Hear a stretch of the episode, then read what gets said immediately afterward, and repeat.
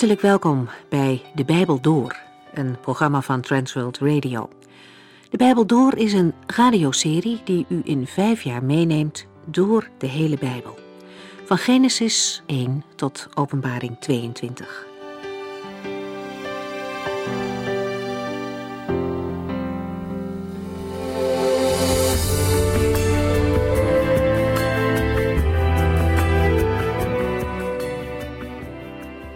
Inmiddels zijn we in deze serie aangekomen bij hoofdstuk 3 van de Filippenzenbrief. Paulus somt hier een aantal voorrechten op uit zijn eigen leven, die in de ogen van de Fariseeën heel belangrijk waren. Hij kon zeer godsdienstig voor de dag komen. Zowel zijn afkomst als zijn eigen inspanningen lieten van de buitenkant een onberispelijk man zien. Maar Paulus heeft dat allemaal aan de kant geschoven hij ontdekte dat het hem in de weg stond om Christus te kennen. Het houden van de wet en geboden bracht hem niet bij Christus. En ook zijn geboorte in het volk van God kon hem niet redden van zijn zonde. Daarom is de apostel er heel duidelijk over. Alles waar hij vroeger zoveel waarde aan hechtte, beschouwt hij nu als waardeloos, omdat het hem van Christus vandaan houdt. Alleen de genade van Christus heeft hem gered, en deze boodschap is niet veranderd. Geloof in de Heer Jezus Christus is de enige manier om gered te worden. Een kerkelijke opvoeding of veel goede dingen doen brengen geen mens in de hemel. De kernvraag is nog steeds: wat doet u met de Zoon van God? En nou Paulus eenmaal weet wat de Heer Jezus voor hem gedaan heeft, is het enige wat er echt toe doet, de Heer Jezus beter te leren kennen en alles wat hem daarvan afhoudt, gooit hij weg als vuilnis. Dat kan heel drastisch klinken, maar wie de Heere kent, gaat dat begrijpen. Er zijn zoveel dingen die belangrijk voor ons lijken, maar in het licht van God verliezen ze hun glans. Het is niet alleen een kwestie van dingen opgeven voor God. Hij geeft er namelijk mooiere dingen voor terug. Daarom mogen we vergeten wat achter ons ligt en ons uitstrekken naar wat voor ons ligt. We lezen nu verder, Filippenzen 3 vanaf vers 15.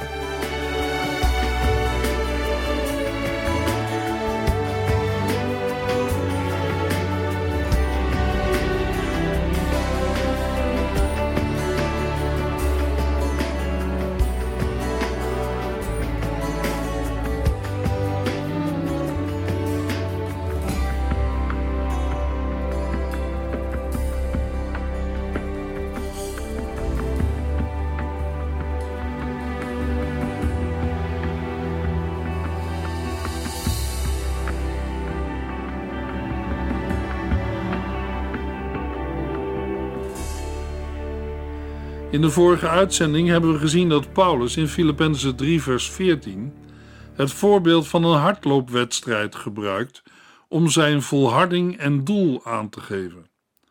Als een atleet die naar de finish rent, wil Paulus de prijs behalen die in de hemel voor hem klaar ligt. Paulus' doel was Christus te kennen en uiteindelijk zijn verheerlijkte leven te ontvangen. Paulus gebruikt vaker voorbeelden uit de wedstrijdsport vaak ook om de gelovigen tot volharding en waakzaamheid op te roepen. Een voorbeeld vinden we in 1 Corinthiërs 9, vers 24 tot en met 27. Op de wedstrijdbaan doen alle hardlopers hun best om te winnen, en toch is er maar één die de prijs krijgt. Doe dan ook uw best de prijs te krijgen.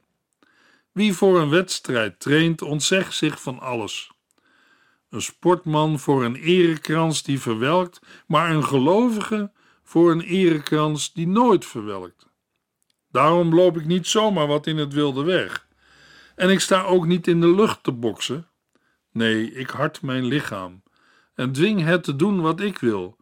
Anders zou het wel eens kunnen gebeuren dat ik, na anderen voor de wedstrijd te hebben opgeroepen, zelf word gedisqualificeerd. In Filippenzen 3, vers 14 schrijft Paulus: één ding weet ik zeker. En daarbij vergeet ik wat achter me ligt. En strek ik mij uit naar wat voor mij ligt. Ik snel recht op mijn doel af. Ik wil de prijs behalen die in de hemel voor mij klaar ligt. nu God mij door Christus Jezus geroepen heeft. Paulus gaat verder met het voorbeeld van de hardloper. Alle lopers willen winnen en willen de prijs behalen die voor de winnaar klaar ligt. Daarmee gebruikt de apostel een voorbeeld dat na de gelopen wedstrijd plaatsvond. Na de wedstrijd wordt de winnaar door de scheidsrechter naar boven op de tribune geroepen om de erekrans in ontvangst te nemen. Paulus is er zeker van dat in de hemel de prijs voor hem klaar ligt.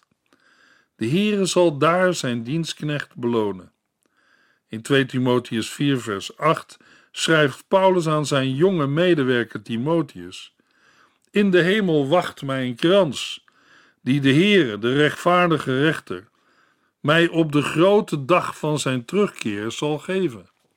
En niet alleen mij, maar ook aan alle mensen die vol verwachting naar zijn terugkeer uitkijken.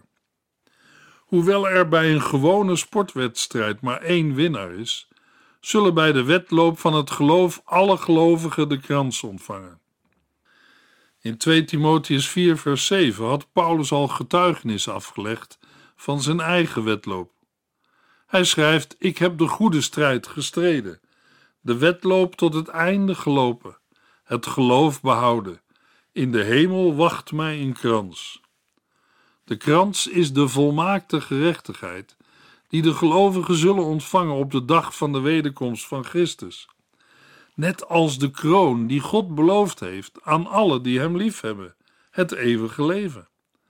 Ook in Openbaring 2 lezen we over volharding en de prijs die in de hemel klaar ligt voor de gelovigen. Openbaring 2, vers 10. Daar zegt Jezus: Blijf mij trouw tot in de dood, dan zal ik u de erekrans van het eeuwige leven geven. Op vele plaatsen in de Bijbel komt de erekrans en kroon van het eeuwige leven en de hemelse heerlijkheid die wacht aan de orde. In 1 Petrus 5, vers 3 en 4 schrijft de apostel Petrus aan de leiders in de christelijke gemeente: Probeer niet de baas te spelen over mensen die u zijn toevertrouwd, maar wees een voorbeeld voor hen. Dan zal de opperherder u voor altijd laten delen in zijn heerlijkheid en eer. De erekrans of kroon is ook de beloning die volgt op een rechtvaardig en oprecht leven dat wil zeggen een leven met Christus. Want de volkomen rechtvaardigheid wordt de gelovige niet pas bij de wederkomst van Christus geschonken, maar direct bij het sterven. De schrijver van het Bijbelboek Hebreeën verwoordt dat op een bijzondere manier in Hebreeën 12, vers 18 tot en met 25. U bent niet oog in oog komen te staan met iets ontzettends, met laaiend vuur, diepe duisternis en gierende wind, zoals de Israëlieten in de tijd van Mozes, toen God op de berg Sinaï zijn wet gaf. U hebt ook geen luid trompetgeschal gehoord of de donderende stem van God. De Israëlieten werden daar zo bang van dat zij God vroegen niets meer tegen hen te zeggen. Zij trilden van angst, omdat God had gezegd: Zelfs een dier dat de berg aanraakt, zal worden gestenigd. Mozes was zo ontzet door wat hij zag en hoorde, dat hij zei: Ik ben zo bang dat ik sta te trillen op mijn benen. Luisteraar, u zou kunnen vragen: Gaat een gelovige daar naartoe? Logisch dat mensen bang zijn voor God. We moeten nog even doorlezen in Hebreeën 12, want we hebben tot nu toe tot en met vers 21 gelezen. Nu komt vers 22. Nee, u staat voor de berg Sion en voor de stad van de levende God, het hemelse Jeruzalem, waar tienduizenden engelen wonen. U bent gekomen naar een feestelijke samenkomst van Gods oudste kinderen, die in het bevolkingsregister van de hemel staan. U staat voor God, die de rechter van alle mensen is, en voor de geesten van de mensen, die volmaakt geworden zijn. Luisteraar, dat zijn de gelovigen die in Christus gestorven zijn. Zij zijn volmaakt geworden toen zij stierven. Ze zijn bij de Here. Hebreeën 12, vers 24 en 25. U bent naar Jezus gekomen, die ervoor gezorgd heeft dat er een nieuw verbond tussen God en de mensen kwam. Hij heeft daarvoor zijn bloed gegeven en zijn bloed roept om vergeving in plaats van om wraak, zoals dat van Abel. Pas op dat u God die tot u spreekt niet de rug toekeert. Want toen de Israëlieten weigerden te luisteren naar de waarschuwingen van Mozes, die namens God sprak, liep het niet goed met hen af. Maar als wij niet willen luisteren naar wat Jezus Christus zegt, zal het met ons nog veel slechter aflopen. Het feit dat een gelovige die in Christus sterft direct volmaakt wordt, hoeft ons niet te verbazen. De gelovigen die in Christus gestorven zijn, worden door de engelen bij de Here gebracht. Bij de levende God is geen onvolmaaktheid. Onvolmaaktheid kan voor zijn aangezicht niet bestaan. Het lastige bij deze dingen is vaak dat wij alle dingen direct met elkaar verbinden. Dat is vaak goed, maar niet altijd. Buiten het feit dat een in Christus gestorven gelovige volmaakt is geworden, komt de beloning, het verheerlijkte leven, het zoonschap Gods, de bruiloft van het Lam, pas op de dag van Christus verschijning en wederkomst. Paulus schrijft aan Timotheus, 2 Timotheus 1, vers 12: Ik ben er zeker van dat Hij, de Heer Jezus, alles wat Hij mij heeft toevertrouwd, veilig zal bewaren tot de dag waarop Hij terugkomt. Dat is de dag van Christus verschijning, de dag van Zijn wederkomst. De Heer Jezus zelf treedt dan ook op als rechtvaardige rechter voor alle gelovigen. In 2 Korintiërs 5 vers 10 lezen we, want wij zullen allemaal eens voor Christus rekenschap moeten afleggen. Dan wordt alles blootgelegd. Ieder van ons zal krijgen wat hem toekomt, voor wat hij in zijn aardse lichaam heeft gedaan, goed of kwaad. Jacobus vult nog aan met een praktische tip en vraagt in Jacobus 5 vers 9: Mopper niet op elkaar is op uzelf dan niets aan te merken? Ik wil u er nog eens op wijzen dat de Heere er aankomt, opdat u hierom niet veroordeeld wordt. Met het oog op de wederkomst van Christus en het feit dat ook gelovigen rekenschap moeten afleggen voordat er loon wordt uitgekeerd, roept Jacobus de christenen op: mopper niet op elkaar. Is op uzelf dan niets aan te merken? Christus zal de gelovigen belonen naar wat ze in hun aardse lichaam hebben gedaan, goed of kwaad. Een van de kenmerken van gelovigen is dat zij vol verwachting uitzien naar de dag van de Heer Jezus Christus. We lezen in Filippenzen 3, Filippenzen 3 vers 15, ik hoop dat alle gelouterde christenen onder u het daarover eens zijn. Mocht u er op enig punt anders over denken, dan zal God ook dat wel aan u duidelijk maken. Bij denken gaat het veel meer om een gezindheid en instelling dan om weten. Door de gelovigen aan te spreken met de woorden: Ik hoop dat alle gelouterde christenen onder u het daarover eens zijn, rekent Paulus zichzelf ook tot de gelouterde christenen. Op een bepaalde manier drijft Paulus de spot met de joods-gnostische dwaalleraren, die van zichzelf beweerden dat zij nu al gelouterd en volmaakt waren. De werkelijk volmaakte of gelouterde beseft, volgens Paulus, terdege dat hij of zij de volmaaktheid nog niet heeft verkregen en het doel, namelijk Christus te kennen en Hem gelijkvormig te worden, nog niet heeft bereikt. Op andere plaatsen in de Bijbel gebruikt de apostel het Griekse woord dat in het boek is vertaald met gelouterd, ook wel in de betekenis van rijp, volwassen in het geloof. Gelovigen die het begrijpen of volmaakt zijn. Bij de woorden volmaakt zijn moeten we bedenken dat de apostel verwijst naar dat wat hij in Filippenzen 3, vers 12 tot en met 14 heeft gezegd. De volmaaktheid moet nog komen. Door sommige Filippenzen werd er anders over dit onderwerp gedacht. De zin mocht u er op enig punt anders over denken, dan zal God ook dat wel aan u duidelijk maken, is waarschijnlijk ironisch bedoeld. als de dwaalleraar werkelijk zoveel openbaringen van goddelijke geheimenissen hebben ontvangen als zij beweerden. Dan zouden zij er ook wel achter komen dat Paulus gelijk had. Wat betekent het woord louteren? Het betekent zuiveren, scheiden van onzuiverheden, om het pure, het volmaakte over te houden. Paulus denkt ook aan rijp worden, aan volwassen worden in het geloof. Een gelovige moet groeien in geloof, tot de volle wasdom komen in Christus. Louter is afgeleid van een Grieks woord dat vuur betekent. Dat betekent dat louteren in de eerste plaats doen branden of in brand steken betekent. In het Nieuwe Testament komt het alleen voor in de leidende vorm, zodat het neerkomt op branden of verbranden. Een tweede betekenis gaat terug op spraakgebruik uit het Oude Testament. Het gaat dan om het louteren of zuiveren van metalen, in het bijzonder zilver en goud. De genoemde metalen worden gelouterd of gezuiverd door ze in het vuur te brengen.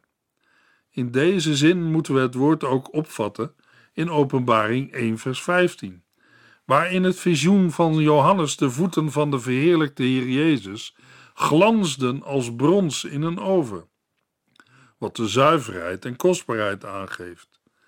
Bij de woorden gelouterde christenen gaat het dan ook om volwassen en gereinigde gelovigen in Christus.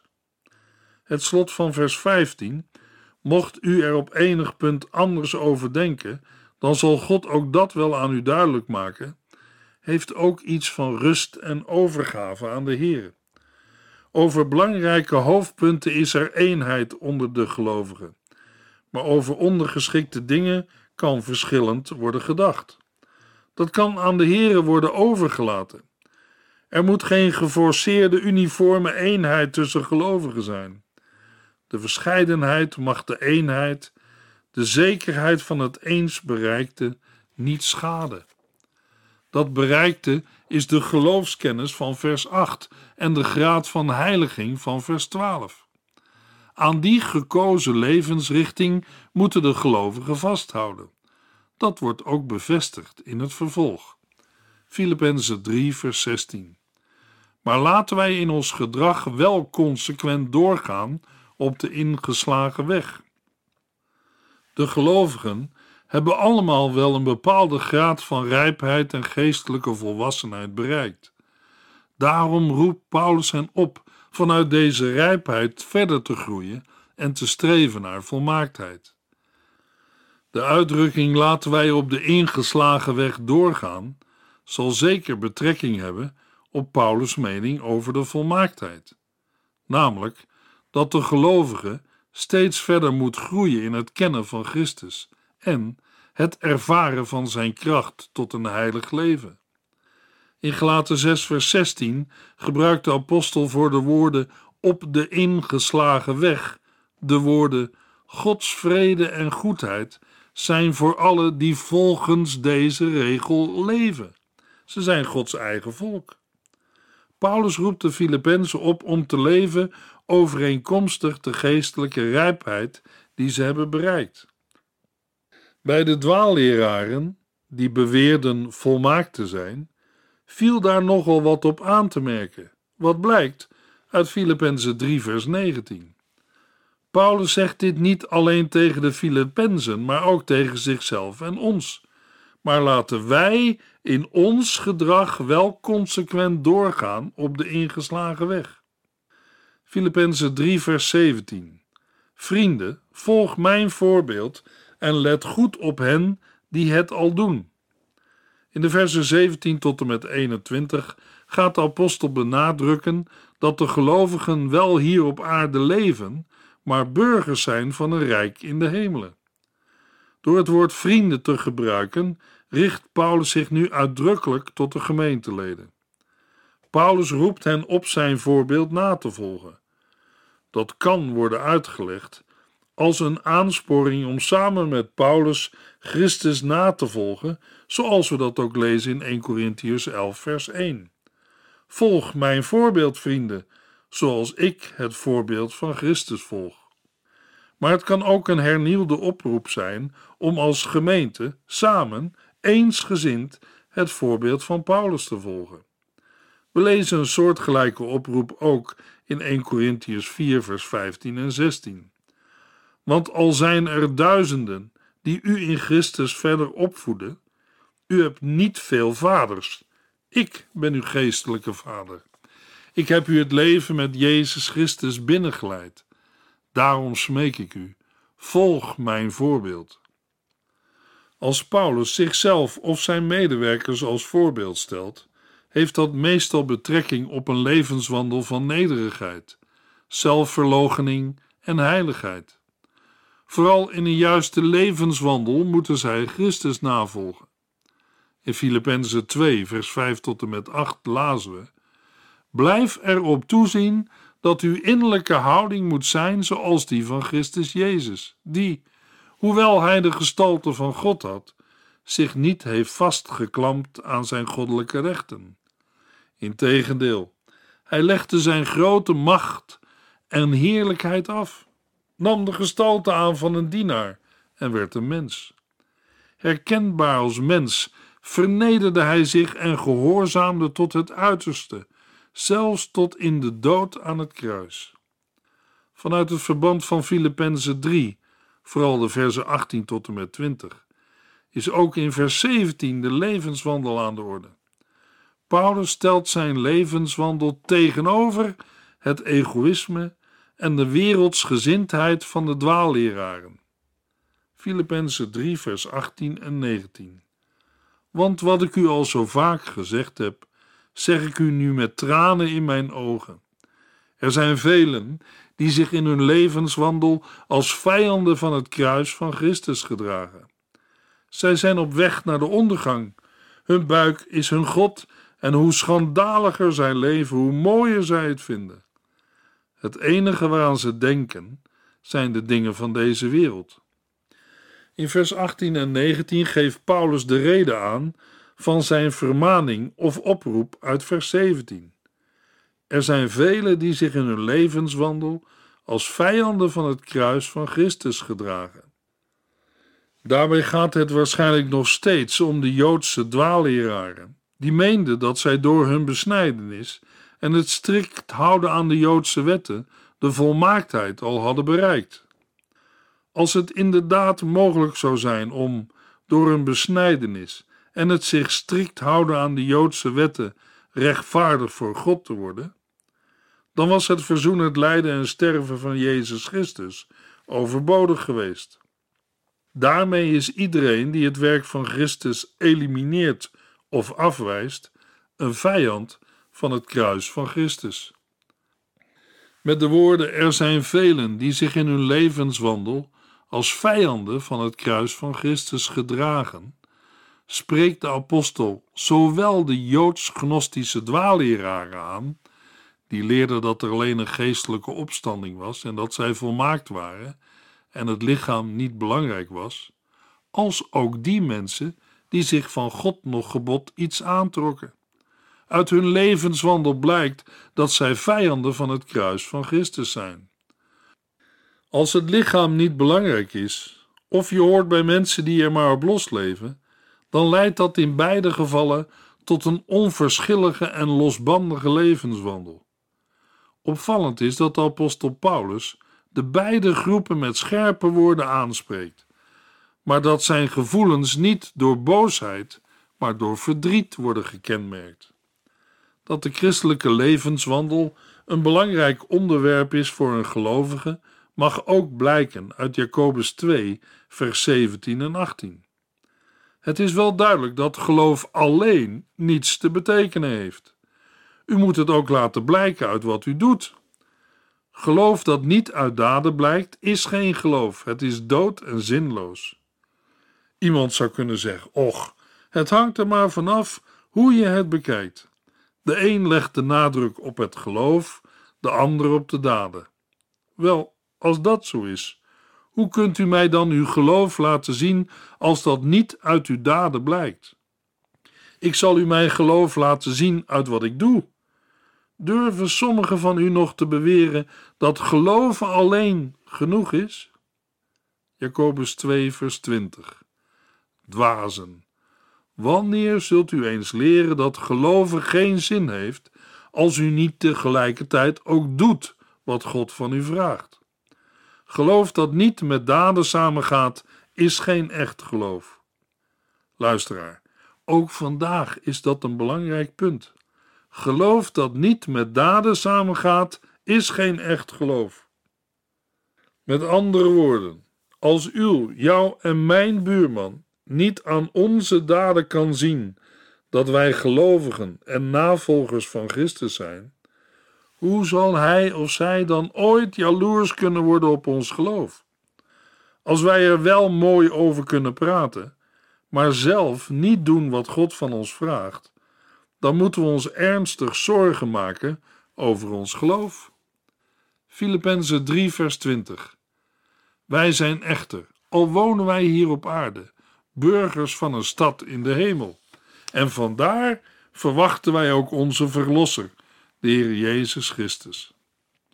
Zoals de Joden door hun streven naar volmaaktheid uit werken der wet gericht waren op de aarde, zo zijn de gelovigen in hun verwachting van de volmaaktheid op de hemel gericht. De stad Filippi was een Romeinse kolonie. Het hield in dat de inwoners van Filippi het Romeinse burgerrecht bezaten. Maar de gelovigen hebben hun vaderland in de hemel, waar Christus is. Dit betekent niet dat zij zich uit de wereld moeten terugtrekken. Nee, zij vormen op aarde een kolonie van hemelburgers en vertegenwoordigen het koninkrijk van Jezus Christus. In het slot van vers 20 wordt hier Jezus Christus verlosser of redder genoemd. Een gelovige, ook al leeft hij op de aarde, is nu al in Christus verlost. Maar hij ziet uit naar de volkomen verlossing bij de wederkomst van Christus. Opmerkelijk is dat ook de Romeinse keizers zich verlosser of redder lieten noemen. In de volgende uitzending lezen we Filippenzen 3 vers 20 tot en met 4 vers 3.